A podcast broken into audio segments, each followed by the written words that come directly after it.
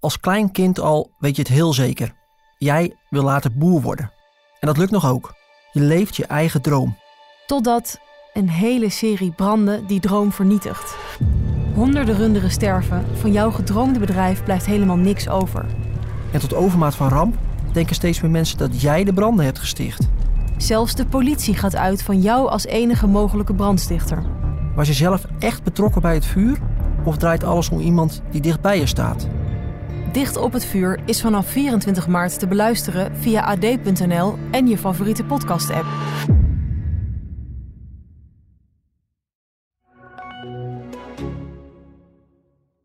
Dochtertje stond ernaast, dochtertje van zeven jaar oud. Ehm, een heel gruwelijk detail. Het dochtertje heeft volgens getuigen ook nog geroepen naar haar vader. Uh, papa niet doen. Ehm, maar papa, papa ging wel door. Dit voorval staat niet alleen. Volgens statistieken wordt elke acht dagen een vrouw vermoord in Nederland. In 60% van de gevallen is de dader de partner en regelmatig zijn ook kinderen hier getuigen van. Dat gebeurde ook op deze fatale ochtend.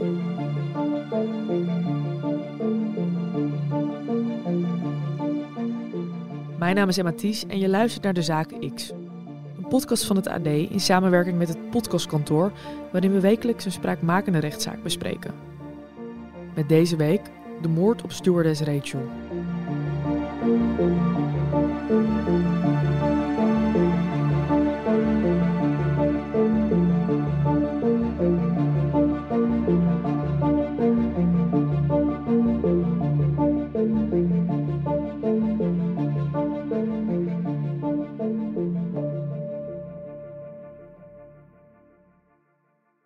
Deze zaak speelt zich af in Abbebroek, een klein rustig dorpje tussen Spijkenisse en Hellevoetsluis van ongeveer 1200 inwoners. Eigenlijk gebeurt daar nooit iets, behalve op de ochtend van 17 januari 2022. Het dorp wordt opgeschrikt als daar, vlakbij een school, opeens een vrouw wordt doodgestoken, terwijl haar dochtertje erbij staat. Het gaat om de 30-jarige Rachel, die werkt als stewardess bij KLM. Erik Oostrom van het AD Rotterdams Dagblad volgt deze zaak al vanaf het begin. Ze was jarenlang samen met deze Rovilian. Ehm, dat is dus de dader, haar ex. Uh, samen hadden ze een kindje. Maar op een gegeven moment ja, eh, ging het mis in hun relatie. Rachel werd ervan beticht dat ze vreemd ging. Rovilian nou, kon daar niet mee omgaan. Rovilian installeert spyware op de telefoon van Rachel, waardoor hij kan meelezen in haar appjes. Ook blijkt hij voorbereidingen te treffen voor het kopen van een spycam. Dus dat is een piepklein cameraatje zodat hij haar in de gaten kan houden. Ehm, ja, hij probeerde haar dus op allerlei manieren uh, weet je, in de gaten te houden, te controleren. Beetje De relatie tussen stewardess Rachel en Rovilian is al een poosje onstuimig. Steeds vaker hebben ze ruzie en moet familie bemiddelen tussen de twee. De dag voor de fatale ochtend botsen de voormalige geliefden behoorlijk. Eigenlijk um, waren ze al uit elkaar. Uh, maar Rovilian mocht nog steeds in dat huis wonen. Um, omdat hij geen andere plek had. En toen had Rachel gezegd, oké, dan mag je hier blijven. Op zolder, totdat je iets hebt gevonden voor jezelf. Nou, um, om de een of andere reden ging het toch mis die dag. Ze, ze kreeg ruzie en Rovilian werd heel agressief. Um, heeft Rachel ook uh, mishandeld, zo werd uh, duidelijk. Um, politie is gebeld, politie is aan de deur gekomen. Rachel heeft toen geen aangifte willen doen. Maar ze heeft wel verteld van, nou ja, dit is er gebeurd. En eind vorig jaar was, was, er, ook al, was er ook al gedoe en wilde hij zelfmoord plegen. En toen is geprobeerd om hem te laten opnemen. Maar toen heeft Rovilian gezegd, nee, dat wil ik niet. Um, is de politie weer weggegaan, want Rachel had geen aangifte gedaan. Maar de politie heeft wel gezegd, nou misschien is het handig als uh, uh, Rachel de sleutel terugkrijgt en uh, hier niet meer slaapt. Nou, dat is toen, die avond zijn ze allebei elders gaan slapen. Maar Rovilian die liet het er niet bij zitten. Die, die had blijkbaar toen al het plan opgevat om haar wat aan te doen. Die kon het gewoon niet verkroppen dat zij ja, in zijn ogen was vreemd gegaan en dat de relatie was gestrand. Ehm, nou, toen is hij bij kennissen, uh, waaronder dus een, een, een, een, buurman van elders in de wijk, is hij gaan vragen voor een wapen. Hij wilde een wapen kopen. Um, hij heeft ook geld gepind, zodat hij dat contant af kon rekenen. Uh, en hij zei tegen zijn kennissen, of tegen zijn contacten, dat hij desperate was. Hij, wilde dus echt dat wapen hebben en hij wilde dus nou, daarmee uh, Rachel wat aandoen.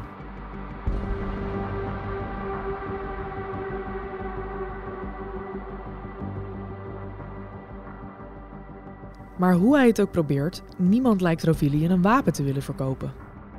Door alles wat er gebeurd is, besluit Rachel niet langer thuis te willen zijn. Ze neemt haar dochtertje van zeven, wiens naam we niet zullen noemen in deze podcast, mee naar familie om daar de nacht door te brengen. Als Rachel de volgende ochtend even thuis komt, blijkt dat Rovilian daar ook is.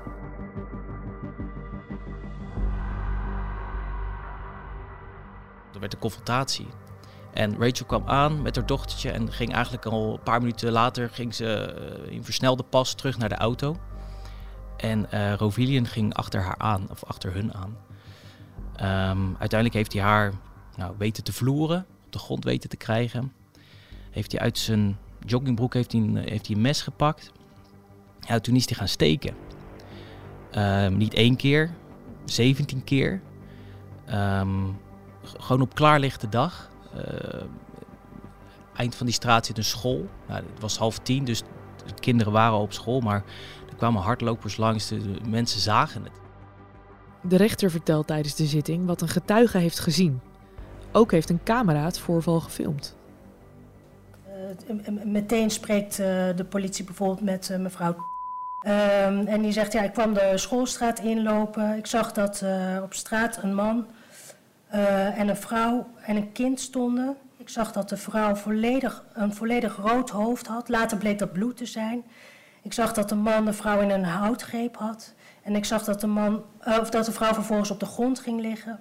Ik zag dat de man een stekende beweging maakte naar de uh, vrouw op de grond. En ik hoorde het kind schreeuwen. En ik gilde ook: niet doen, niet doen.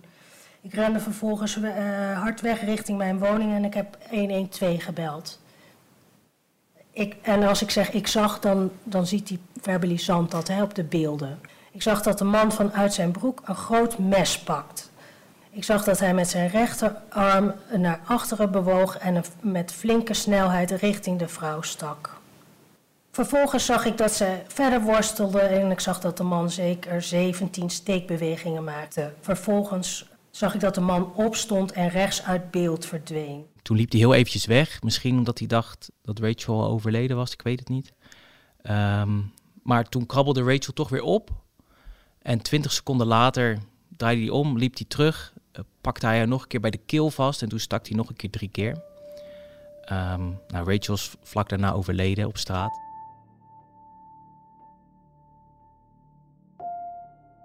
Rovilian is in, auto uh, in, in, een auto gesprongen. Uh, is die weggescheurd. En een paar kilometer verderop is hij op de Hartelbrug in Spijkenisse gaan staan. Is hij naar beneden gesprongen op de snelweg. Is hij overreden. Um, natuurlijk in een poging om zichzelf van het leven te beroven. Maar ja, wonder boven wonder kan je wel zeggen, heeft hij het overleefd.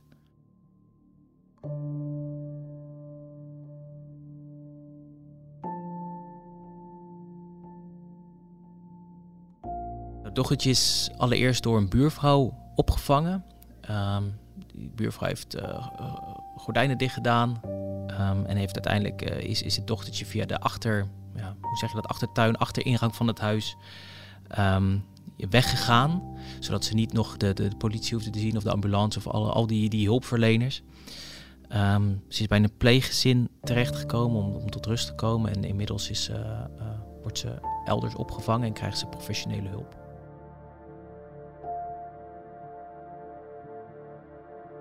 Rovilian ligt na zijn zelfmoordpoging een poos in coma en heeft lange tijd nodig om te revalideren. Als Erik de rechtszaal binnenkomt, ziet hij dat Rovilian nog niet de oude is. Hij werd in een rolstoel uh, naar binnen gereden. Um, ja, aan alles merkte je wel dat deze man uh, ja, allerlei fysieke ongemakken heeft. Dat, dat zag je aan hem in zijn gezicht. En uh, op een gegeven moment somde zijn advocaat op wat hij allemaal mankeert. Nou, dat was een hele lijst. En wat hij allemaal niet meer kan, dat was ook een hele lijst. Uh, en wat ook heel erg opviel, was zijn piepstemmetje. Ehm, ja, zijn stem was op de een of andere manier was die heel, heel hoog geworden. Het was een beetje een, een, bijna een zielig hoopje mens, zou je het misschien kunnen zeggen. Ehm, heel broos en een, een, piepstemmetje en in een rolstoel, een beetje onderuitgezakt. Um, ja, niet, niet, niet de doorsnee verdachte, zeg maar. Niet iemand die... je verwacht misschien een grote gast. Uh, ja, ja, een grote agressieve man of zo. Maar um, ik weet natuurlijk niet hoe hij voor, um, voor deze gebeurtenissen was. Dus voor zijn, uh, zijn zelfmoordpoging. Um, maar ja, hier was het echt een zielig hoopje mens. Tijdens de behandeling van de zaak vraagt de rechter aan Rovilian wat hij zich nog herinnert van die dag. Hij zegt zelf dat hij dus helemaal niets meer weet. Dat het één groot zwart gat is. Dus hij ontkent niet, maar hij bevestigt het ook niet. Nee, hij zegt het gewoon niet meer te weten. En zijn advocaat zegt, ja, dat is logisch, want kijk wat, uh, wat allemaal is gebeurd. Hij is van een viaduct gesprongen, hij is overreden en hij heeft in coma gelegen. Dus zo gek is het niet dat een mens dan niks meer weet. Um, toch wordt daar wel erg aan getwijfeld, omdat hij uh, dingen uit diezelfde periode, andere dingen, wel best wel gedetailleerd kan vertellen. Um, dus psychologen en psychiaters zeggen van ja, misschien wilde hij het zich gewoon niet herinneren. Nou, hij, hij doet alsof die hele periode een beetje inderdaad een waas was. Um, of een waas voor hem is. Uh, hij zegt ook, hij ontkent bijvoorbeeld ook een zelfmoordpoging te hebben gedaan in oktober. Hij zegt dat is niet zo, terwijl hij door omstanders uh, van de hartopbrug is ja, gepraat, getrokken, gehaald. Ja, dus dat is een eerdere poging. Hè? De tweede keer ja. heeft hij daadwerkelijk gedaan, van diezelfde ja. brug afgesprongen. Klopt. Dit was een eerdere poging. Klopt. In oktober heeft hij het al geprobeerd. In januari heeft hij daadwerkelijk gedaan. Uh, maar ook hij zegt die eerdere poging, zegt hij ja, dat, uh, dat was helemaal geen poging. Nee, hij lijkt er niet helemaal uh, bij te zijn geweest, wat dat beweert hij. wat wordt er dan door psychiaters en psychologen over deze man gezegd? Werd dat nog duidelijk in de rechtszaal? Ja, Uh, ze hebben natuurlijk gekeken, heeft deze man een stoornis? Is hij misschien verstandelijk beperkt? Uh, ja, mankeert hij misschien iets? Um, en eigenlijk um, komen ze tot de conclusie dat ze niet echt een goede conclusie kunnen trekken. Ze, kunnen, um, ze weten niet zeker dat hij geen uh, bijvoorbeeld stoornis heeft. maar ze, ja, ze sluiten ook niet uit dat het wel zo is. En net als bij zijn verstandelijke vermogen, dat, dat, dat lijkt ook gewoon in orde te zijn. Um, vandaar dat er ook geen TBS of zo is opgelegd of geëist. Um, alleen een celstraf. Ze, vinden niet echt een aanwijzing dat er. Uh, um, tenminste, ze kunnen niet met zoveel woorden zeggen dat hij iets mankeert.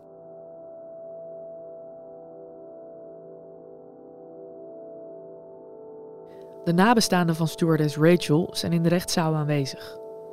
Als zij gebruik maken van hun spreekrecht, maakt dat duidelijk indruk. Ze zijn erg emotioneel en laten hun boosheid merken. Ja, dat is, dat is altijd um, heel emotioneel. En um, deze nabestaanden waren natuurlijk ook heel boos. Dat liet ze ook duidelijk merken. Um, iemand zei bijvoorbeeld van ja, Rovilian, je hoeft ook geen sorry te zeggen. Want je kan niet eerst mijn dochter afslachten en dan sorry zeggen. Dat, dat, dat kan niet. Je hebt zoiets gruwelijks gedaan, notabene voor de ogen van je dochter. Afslachten werd het. Uh, Afslachten werd het genoemd, ja. Ja. ja. dat, ja dat, dat was het natuurlijk ook. Hoe is de sfeer dan in zo'n rechtszaal? Er, er hangt dan heel veel emotie in de lucht, denk ik. Absoluut. Um, achter mij zat uh, familie van uh, de verdachte, van Rovilian. En aan de andere kant, uh, paar uh, rijen verderop zat dan, uh, zat dan de nabestaanden van Rachel. Nou ja, je, je, voelde, je voelde de spanning. Als dan een familielid of een nabestaande van Rachel wat zei in de zaal, dan voelde ik achter mij hoe er werd gereageerd.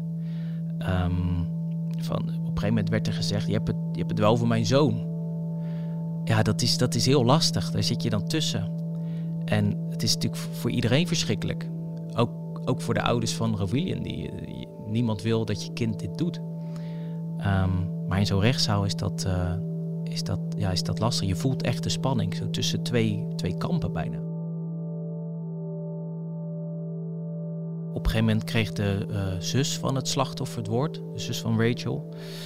En die vertelde natuurlijk over de impact van dit alles. Over uh, haar, haar eigen kinderen die nu bang zijn.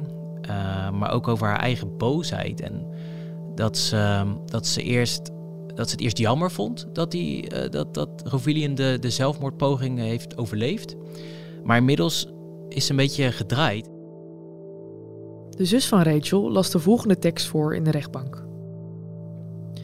In het begin vond ik het oneerlijk. Waarom heb jij het wel overleefd? Maar het is goed dat je het overleefde. Nu kan je leven met de consequenties en kom je er niet makkelijk vanaf. Het is goed dat je kunt praten, want nu kan jij, wanneer mijn nichtje ouder is, haar zelf uitleggen waarom je haar moeder vermoord hebt, waarom jij haar jeugd verpest hebt.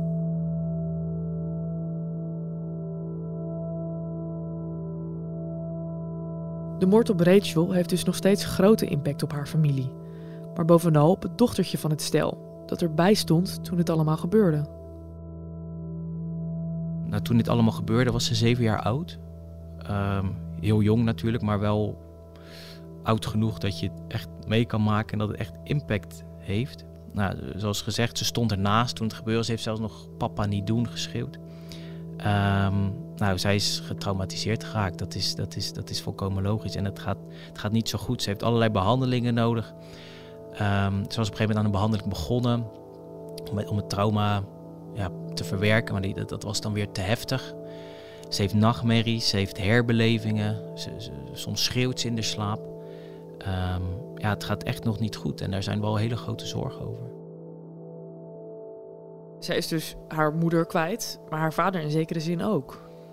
Ja, klopt. En, en dat is ook wat de rechter um, hem heel erg kwalijk heeft genomen. Die heeft eigenlijk gezegd van ja, um, je hebt voor de ogen van je dochter heb je haar moeder vermoord. en je hebt daarna geprobeerd zelfmoord te plegen. Dus je wilde er eigenlijk als, uh, als wees achterlaten.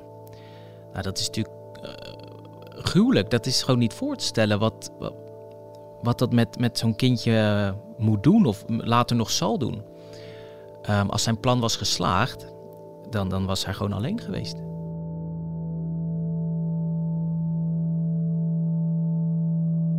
Nu is zijn plan niet geslaagd, maar hij gaat natuurlijk wel achter de tralies verdwijnen. Um, de eis was 20 jaar cel. Um, en de rechter is, uh, is daar meegegaan. Hij heeft uiteindelijk 20 jaar cel gekregen.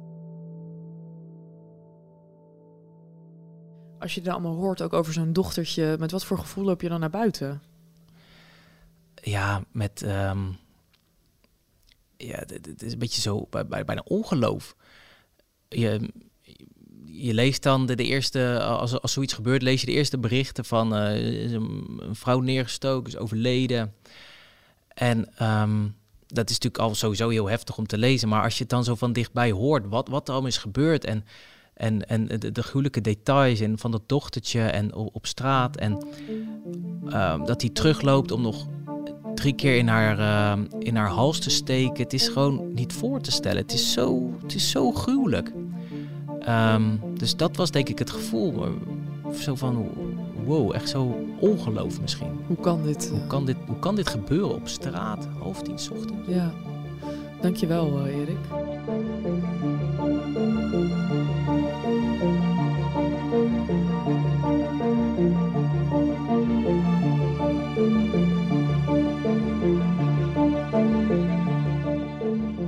De Zaak X is een wekelijkse podcast van het AD en deze aflevering werd gepresenteerd door mij, Emma Ties.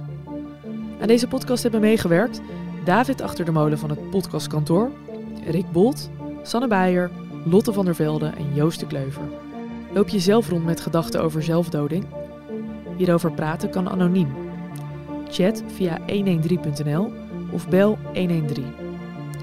Meer artikelen over deze zaak vind je op ad.nl slash dezaakx.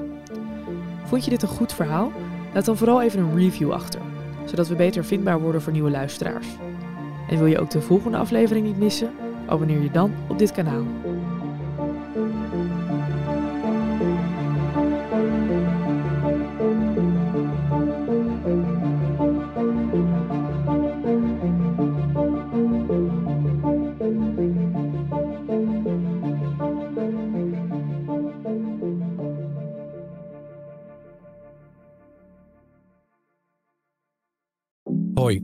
Joost Twinkels radio-dj bij Q Music. Dit is mijn vader Piet. Lieve Joost, je staat nou recht tegenover mij. En ik praat nou op twee manieren tegen jou. Als je dit bandje luistert, dan weet je niet meer dat je hier gestaan hebt. Dit jaar is hij precies 20 jaar dood. En ondanks dat ik me weinig van hem kan herinneren, mis ik hem. Speciaal voor mijn broer Koen en mij liet hij brieven en audio-opnames na... die ik in deze podcast induik om niet alleen hem, maar ook mezelf beter te leren kennen. Ik heb geprobeerd om jullie te vertellen dat liefde het allerbelangrijkste is. Hou van elkaar en van de wereld om je heen. Dan komt alles goed. Liefs Papa Piet luister je nu in je favoriete podcast-app.